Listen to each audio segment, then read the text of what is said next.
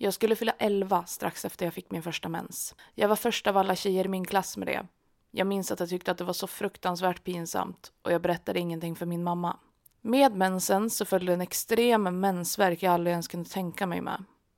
Jag hade ont i drygt en vecka innan mens och en vecka efter mens. Så tre veckor i månaden gick bort till att ha mensvärk. Jag kunde inte för allt i världen förstå varför jag hade så ont. Jag blev alltid hemma från skolan under just den veckan när jag hade mens. När jag var ungefär 12 tog mamma med mig till barnmorskan för mina problem. Hon skrev ut p-piller för att lindra värken och så var det med det. Värken blev bättre och jag kunde hantera den.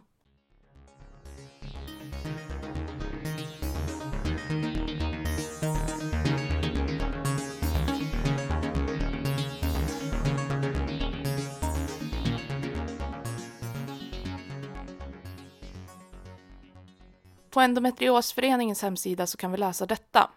Endometrios orsakas av att celler som liknar livmoderslemhinnan hamnar utanför livmodern och fastnar på fel ställe i kroppen, främst på organ i buken. Dessa endometriosceller börjar växa och orsakar inflammationer inne i buken, vilket i sin tur kan leda till buksmärtor, ärrvävnad och sammanväxningar. Med tiden så kapslas endometrioscellerna in av kroppens försvarsmekanismer och det bildas endometrioshärdar eller cystor. Cirka 10 procent av alla som är födda med livmoder världen över lider av endometrios.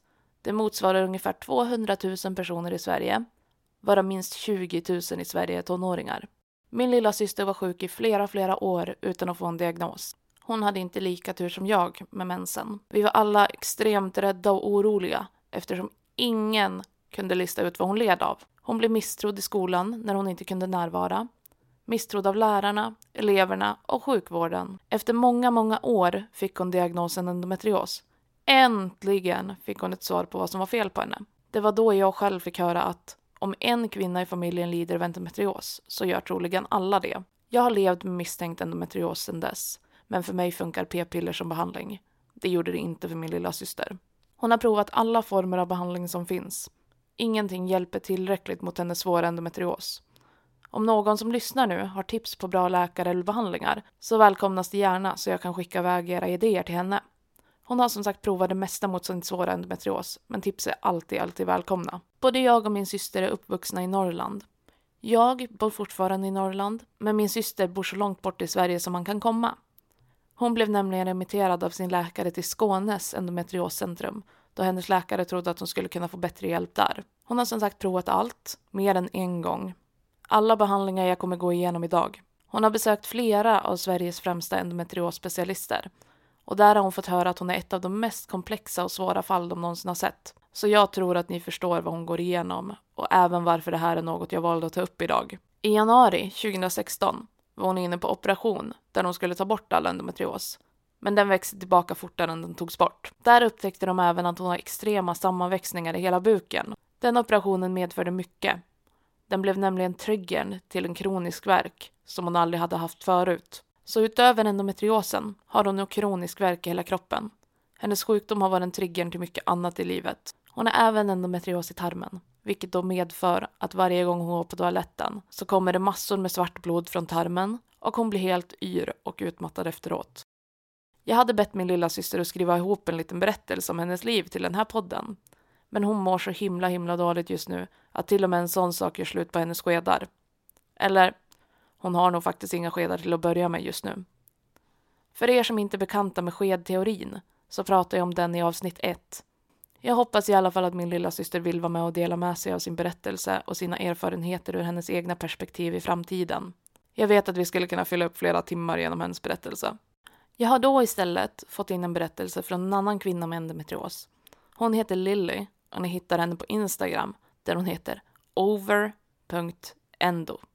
Jag kommer länka henne på min egna Instagram så ni kan hitta henne lätt. Hon lägger själv ut tips och tricks, nyheter om endometrios och har själv skrivit om sin egna berättelse på sitt konto. Hon försöker precis som jag med den här podden skapa en bredare förståelse för sjukdomen hon lider av här kommer hennes berättelse som jag fått översätta från engelska till svenska. Det viktigaste jag har att dela med mig av är hur många som blir feldiagnostiserade. I min personliga erfarenhet, då jag bara var 13 år gammal och läkarna och sjukvården såg förbi möjligheterna till en livmodersjukdom på grund av min ålder. Jag led av endometrios i flera år. vilket ledde till en akutoperation då jag var 15. Mitt viktigaste meddelande till dina lyssnare är att man inte ska underskatta åldern då en person med livmoder kan få endometrios. Hos alla barn som fått sin mens bör läkare tänka på möjligheten att de har just endometrios eller liknande sjukdomar. Det här är något som ligger mig väldigt varmt om hjärtat och jag är glad över att få dela med mig av mina erfarenheter. I det tidiga skedet såg de som sagt förbi min diagnos, men jag blev alltid bra behandlad. Jag var bara runt 12-13 år gammal, så de gjorde inga gynekologiska undersökningar då läkarna tyckte det var alldeles för tidigt för en livmodersjukdom. Allt det här är det jag nog känner mig allra mest frustrerad över då jag tittar tillbaka. Så fort en tjej, trots ung ålder, får sin mens så befinner hon sig i riskzonen för alla möjliga sorters gynekologiska sjukdomar. Precis som en kvinna i 35-årsåldern kan göra. Trots att jag bara var ett barn så var mina inre organ jämförbara med en ung kvinnas organ. Om de hade kunnat misstänka endometrios så hade jag kunnat få en diagnos mycket tidigare. På grund av mina extrema magsmärtor och ett par andra symptom så gjorde de alla möjliga andra sorters tester på mig. Till och med en biopsi på mina njurar. Så om de hade behandlat mig och talat med mig som om jag hade varit äldre så skulle jag haft mycket bättre vård. Råden jag vill ge till unga tjejer som misstänker att de kan lida av endometrios är att absolut lita på din magkänsla. Om du behöver byta läkare eller gynekolog så bör du verkligen göra det. Det är absolut inga problem om du inte känner dig nöjd. De är bara människor de också. Om du inte känner att du har en bra kontakt med dem eller om de inte lyssnar så ska du absolut byta till någon annan. Du måste hitta rätt läkare för just dig. Om jag själv inte hade bytt läkare så skulle jag nog fortfarande ha ätit p-piller, vilket gjorde min endometrios mycket värre. Råden jag skulle vilja ge till familj och anhöriga till personer med endometrios är att tålamod är det viktigaste i allt. När det kommer till endo så blir det som om man får en stämpel som säger att du inte är kapabel att göra vissa saker. Det stämmer inte alls. Bara för att jag har endometrios så betyder det inte att den ska få definiera vem jag är. Att familj och vänner förstår problematiken och symptomen bakom endo är nödvändigt. I min erfarenhet så blev min pappa så mycket mer förstående då han lärde sig och läste på min sjukdom.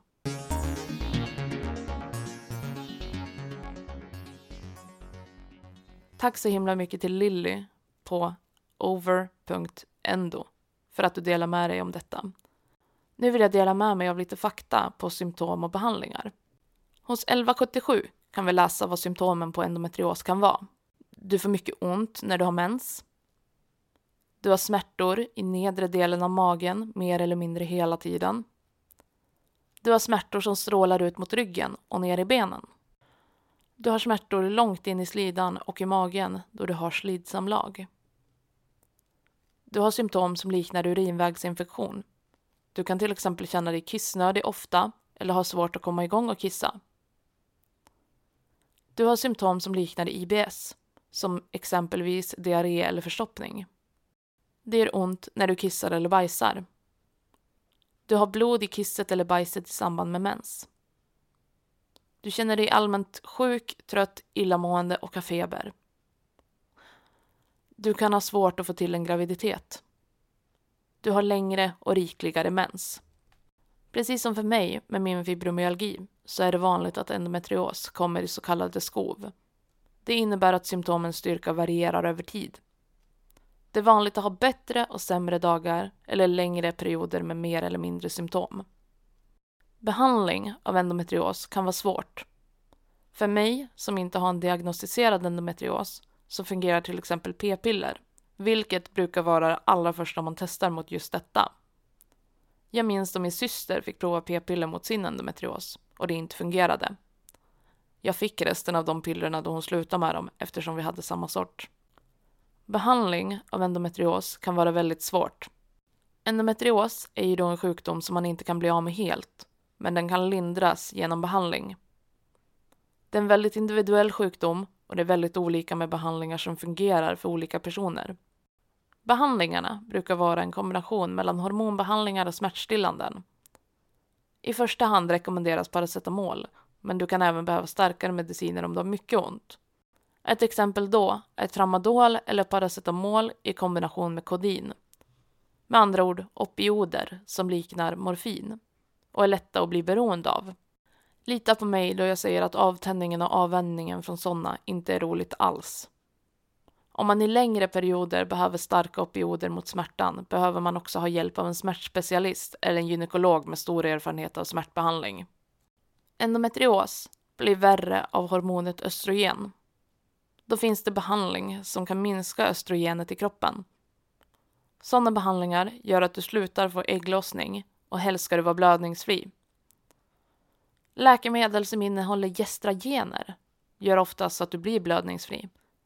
Vissa gestragener kan du få som en tablett du tar varje dag. Men det finns även i sprutform som du tar någon gång mellan var tredje vecka till var tredje månad.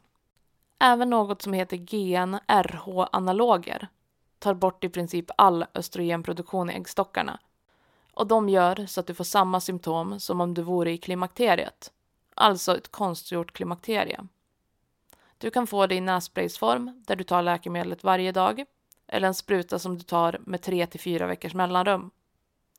För att lindra klimakteriebesvären så brukar man få en låg dos av östrogen i samband med detta. Min lilla syster har varit konstgjord klimakterie flera gånger och klimakteriebesvären är ju inte att leka med alls. För många krävs det operationer. Den absolut vanligaste typen av operation för endometrios är titthålsoperationer där du blir sövd under ingreppet. Något ovanligare är att det behövs en operation där magen öppnas. Det behövs då att endometrios har orsakat stora sammanväxningar i buken. Endometrios är en sjukt tuff osynlig sjukdom att leva med. Jag bodde med min syster under många av hennes tidiga år som sjuk och jag har sett hur det kan vara för någon som får vänta i många, många år på diagnos. Det är bara min sambo, min mamma, min syster och nu min fina vän Jessica, hej Jessica, som vet att jag spelar in den här podden. Min syster har ju som sagt levt i helvetet med en osynlig sjukdom i mer än halva sitt liv. Och jag kommer så snart hon orkar ha med erfarenheter av henne här i min podd. Men just nu mår hon som sagt så oerhört dåligt att det inte är möjligt. Vi bor hundra mil ifrån varandra och jag önskar verkligen att jag kunde finnas på plats och hjälpa henne i detta.